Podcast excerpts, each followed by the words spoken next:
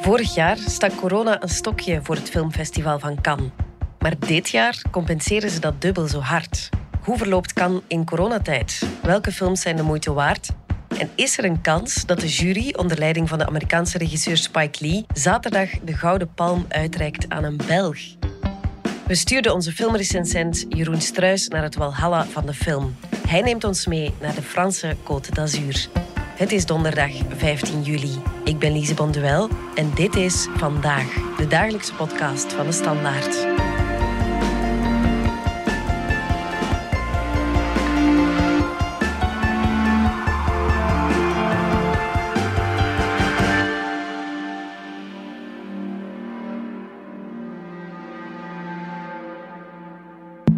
On chante en fête, les oliviers sont bleus, ma petite Lisette, l'amour joyeux est là qui fait risette, on est heureux, National 7. Jeroen Struis, ja, als er nu één plek ter wereld is waar je als filmrecensent moet zijn, is het wel kan. Hoe is daar? Ik ga er niet om liegen. Geweldig. Dit, dit zijn de hoogdagen. Dit is waarvoor we het doen. Dit hebben we vorig jaar moeten missen.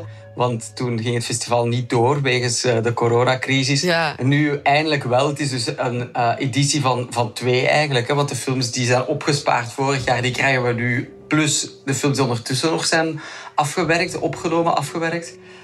En uh, ja, het is een feest omdat je, je ja, drie, vier films per dag kan zien waar je eigenlijk nog niks van weet. Hè, want je kijkt hem als eerste. En dat kan geweldig tegenvallen, maar dat kan ook geweldig meevallen. Ik kom net uit uh, een, een, film, uh, Lamb heet die. Dat is een IJslandse film ja? met Noomi Rapace. Ja, het is zo'n gekke, maffe film en toch zo mooi gedaan. En ja, dat is echt waarvoor je het doet. Zo'n, zo'n, ja, het is een Europese arthouse film, maar dan ook wel een soort van paranormale fantasyfilm. Het neemt je mee op wegen die je nog niet vermoedde. En ja, dat is, dan, dat, dat is wat de kracht van cinema is. En ja. die beleef je nergens anders dan hier. Zo hard.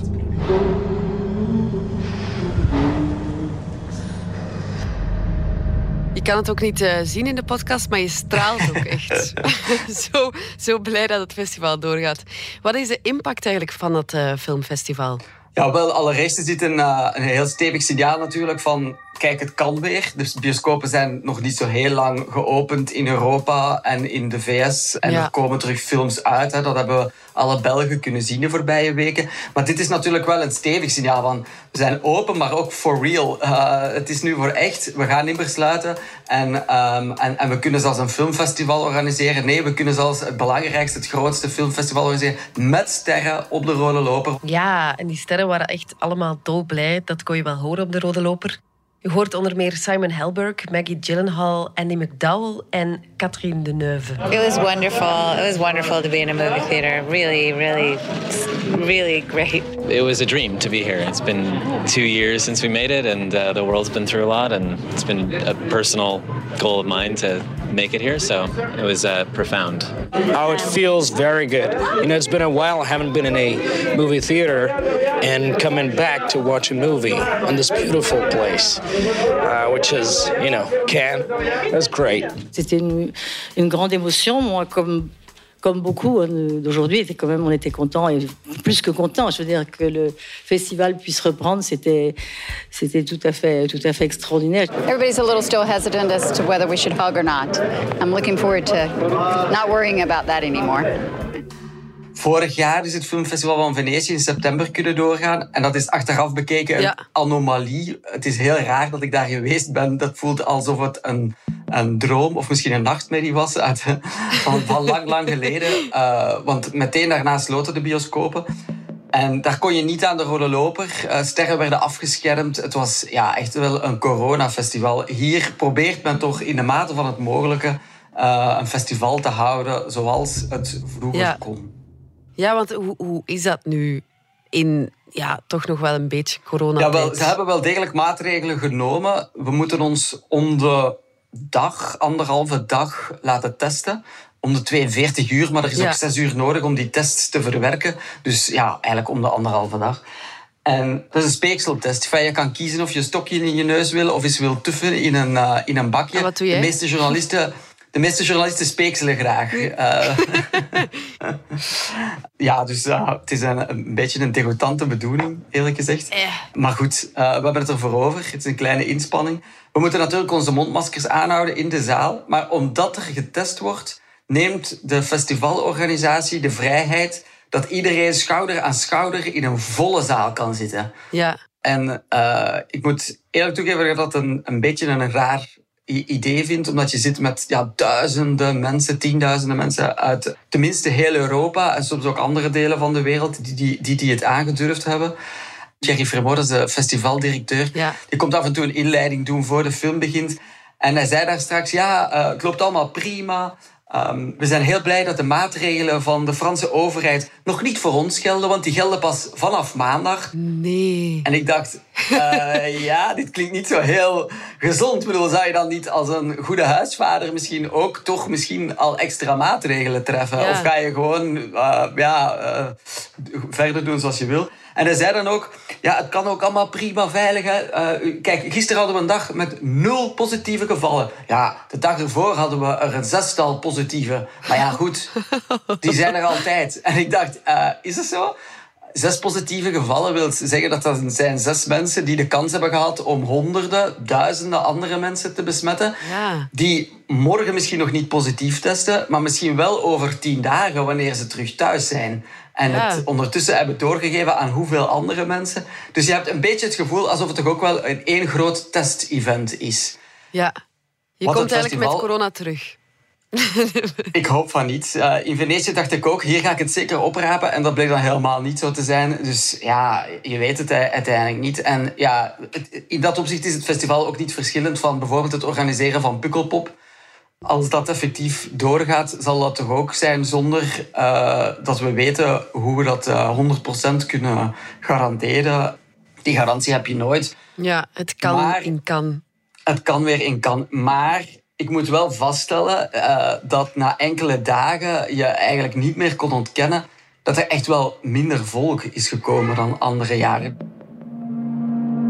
Voor het eerst is er een ticketsysteem. Normaal gezien kon je als journalist gewoon ellenlang aanschuiven aan de zaal om dan, in de hoop om dan binnen te geraken. Dat is nu niet zo. Je moet nu een, eh, een plekje reserveren. Dat gebeurt online. De eerste twee dagen was dat echt op zijn Frans. Namelijk, het werkte niet. en het was complete chaos. En alle journalisten waren ehm, helemaal gestresseerd. En eh, sommigen zelfs in paniek. En na enkele dagen is dat goed gekomen. En ja, nu blijkt dat je eigenlijk gewoon ja, vandaag nog plekjes kan reserveren voor een première morgen. Ja, dat is wel heel raar. Dat Ja. geeft echt wel het gevoel dat er, eh, dat er weinig volk is. Maar de films zijn er wel. Eh, de sterren zijn er. Die komen wel af. En, en de films zijn er ook. En ik heb echt al, al enkele hele goede films gezien. Er zijn films van grote namen van de wereldcinema. Ehm, er, zijn, er zijn films met filmsterren. Er zijn gewoon ook goede films. Dus ja, voor mij is het een feest. Eh, Ja. En ik hoop dat ik dat over tien dagen nog kan zeggen. Ja, en als je zegt dat, de, de, dat er nog zoveel plek is in de zalen, kan je daar ook als gewone sterveling eh, films gaan kijken? Normaal gezien is dat heel moeilijk. Ehm raak je eigenlijk niet binnen. En is dat ook niet echt de bedoeling. Het filmfestival van Berlijn bijvoorbeeld is wel een filmfestival voor het publiek, zoals dat van Gent. In Gent kun je ook gelukkig allemaal eh, komen kijken. In Cannes is dat niet echt de bedoeling. Eh, maar ja, dit jaar moeten ze, proberen ze dan toch die zalen zoveel mogelijk op te vullen met mensen, last minute. En ja, dan, ik sprak gisteren nog mensen aan die naast me zaten van, waar kom jij? Of, eh, ja, dat was dan gewoon iemand die hier een winkel heeft in Cannes en die samen met zijn vrouw is gekomen geweldig voor hen natuurlijk dat ze ook eh, een film kunnen meekijken. En Ja. ja, je merkt ook wel redelijk wat enthousiasme bij het publiek, ook wel ook na, na films. Dus Ja, Jan en Alleman kan eigenlijk langskomen. En corona, heeft het een impact op de sterren, de, de acteurs en de actrices die daar aanwezig zijn? Is iedereen daar geraakt? Wel, ze komen wel. Ze moeten natuurlijk ook wel getest worden. Hè. Mensen worden natuurlijk ook getest als ze reizen. Hè. Dus bedoel, die zijn ook wel al getest. Maar ja, ik hoorde toch ook al mensen gisteren zeggen... Iemand van de PR zei dat uh, een actrice niet was binnengeraakt op haar eigen première. omdat ze vergeten was om uh, even te gaan, gaan speekselen, even te gaan tuffen in een, uh, in een tube. Dus ja, die heeft gewoon haar première gemist. Dat kan dus ook.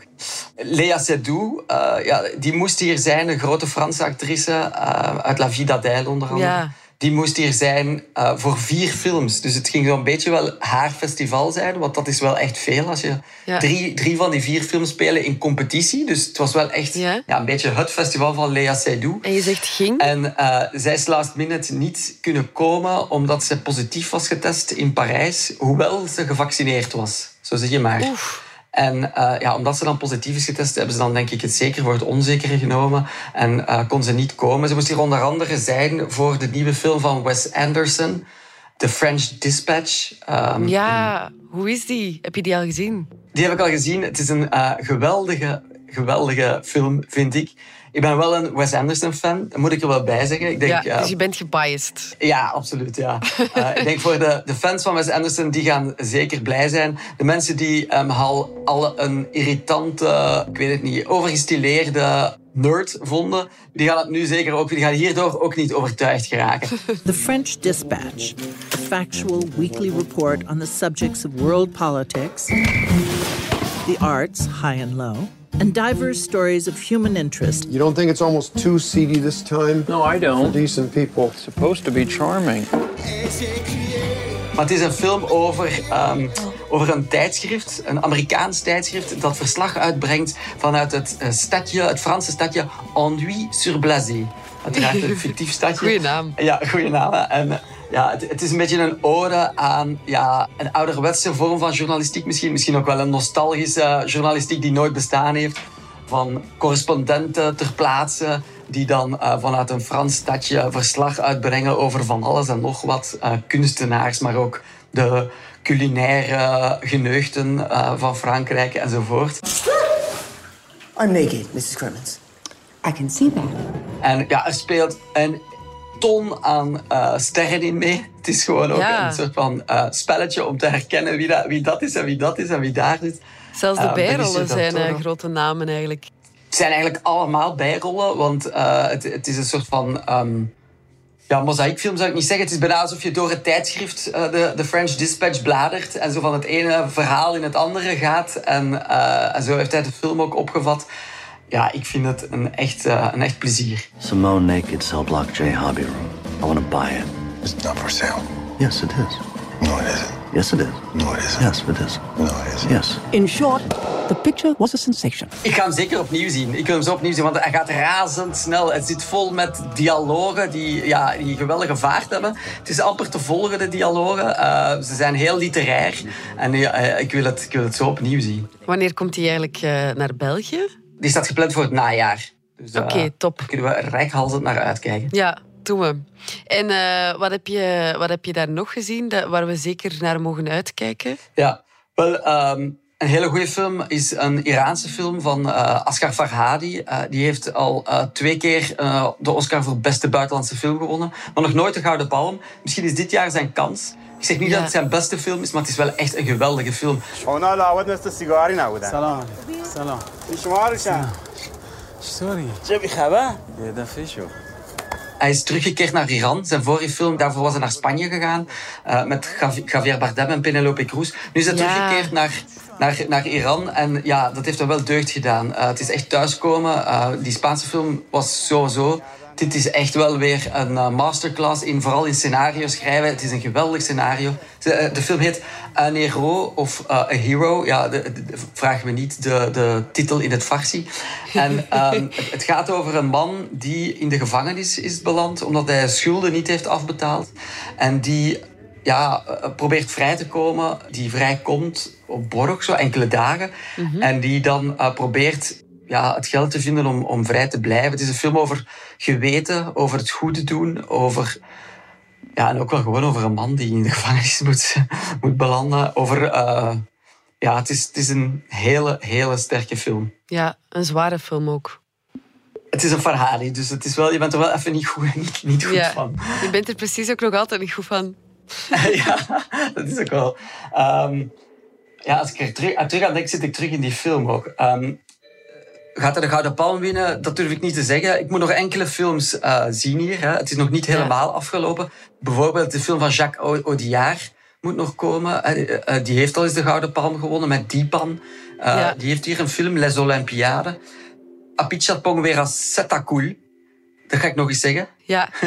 Dus de, de Thaise regisseur met de onuitspreekbare naam, die ik na vijf jaar oefenen toch kan uitspreken, Apichatpong Werasetakul, die heeft hier ook een film ehm, eh, en die heet... Dat ben ik dan wel vergeten. Jeroen. Memoria heet de film. Eh, nee, nee. Memoria eh, is een film met Tilda Swinton. Ja. En ik ben heel, heel benieuwd, want dat is echt een tovenaar, die man. Die kan echt toveren met beeld. En ik ben benieuwd of dat ook kan met bekende actrices zoals Tilda Swinton. Ja. En dan helemaal op het einde van het festival. De laatste film van het festival is een Belgische film. Eh, een film van Joachim Lafos. Eh Les Intranquilles heet de film. Ja. Ik heb hem al gezien. Ik mag er nog niks over zeggen, want hij moet nog in première gaan. Het is de allerlaatste film van het festival. En ja, het gebeurt vaak. Het gebeurt eh, verdacht vaak dat de laatste film op het festival uiteindelijk met de prijs gaat lopen. Oela. Dat, dat dit jaar zal gebeuren, is dus afwachten. Dat weten we zaterdagavond, wanneer dus het palmares wordt bekendgemaakt. Oké. Zou wel eh, een mooie afsluiter zijn van heel het festival. Zo'n Belgische... ja. Het is- en kan, ja. je, kan je Nee, kan ik zeggen over de film. een kleine spoiler meegeven? Het is een film van Joachim Lafos. Daar hebben al Belgen gewonnen natuurlijk in Cannes. hè. Daar hebben al Belgen de Gouden Palm gewonnen met de, de, d'Ardennes. Dus eh, waarom, waarom niet? Het is niet uitgesloten. Er waren nog Belgen in Cannes dit jaar. Het was eigenlijk best een sterke editie voor eh, de vaderlandse cinema, we het zo moeten zeggen. Eh, er zaten nog Belgische films hier in Cannes, maar niet in hoofdcompetities. Ze dingen niet mee voor de Gouden Palm. Maar ze zaten in de nevencompetitie aan Certain Regard. En daar, een van de twee was een Vlaamse film. Eh, dat is nog maar de derde keer dat een Vlaamse film het schopt tot eh, die categorie. Eh, De Vlaamse film heeft het duidelijk moeilijker dan een Franstalig Belgische film hier in Cannes. En die Vlaamse film heet La Civile. En het is echt wel een indrukwekkende film. Het is een regiedebuut eh, van Theodora Anna-Mihai. Het is een regiedebuut, maar ze heeft wel al eens een documentaire gemaakt. Een hele goede documentaire. Dit is voor de eerste keer een fictiefilm die zich afspeelt in Mexico. In het decor van de drugsoorlog die daar doorgaat. Het is een vrouw die wraak wil nemen op de ontvoerders van haar dochter. Haar dochter is ontvoerd en zij gaat op zoek naar de ware aard van, eh, van het verhaal en op zoek naar die ontvoerders. Laura, la levantaron, la tienen secuestrada. Si ustedes avisen a la policía, esos cabrones que se la llevaron se van a enterar luego. Het is een hele straffe film eigenlijk. Het festival sluit morgen al af. Kunnen we al vooruitblikken wie de Gouden Palm gaat winnen? Of kunnen we afkloppen op Lafos? Ik, ik kan het echt nog niet zeggen, want ik moet dus nog enkele films eh, zien. Hè. Onder andere ja, die, die Jacques Audiard, eh, de, de, film van eh, de Thaise tovenaar, Apichatpong Werasetakul. Ik zeg het nog eens, gewoon omdat ik weet dat ik het kan. omdat ik trots ben dat ik het kan. Ehm, de vraag gaat vooral ook zijn, welke film gaat de jury van Spike Lee de, de, de, de Gouden Palm toekennen? En Spike Lee ja, we kennen allemaal zijn cinema. Hij houdt van politieke cinema. Zo'n film heb ik tot nu toe nog niet gezien. Maar goed, Jacques Audiard bijvoorbeeld, die heeft daar wel wat van weg. Dat, dat zou dus kunnen. Voor mij is het eh, koffie die kijk. Oké, ja. En ga je nog tijd hebben om eh, tussendoor op strand te liggen bakken? Daar is helaas weinig tijd voor hier. Ik ben wel blij dat het mooi weer is, want ja, tussen al die films door, eh, je zit veel in de donkere zalen.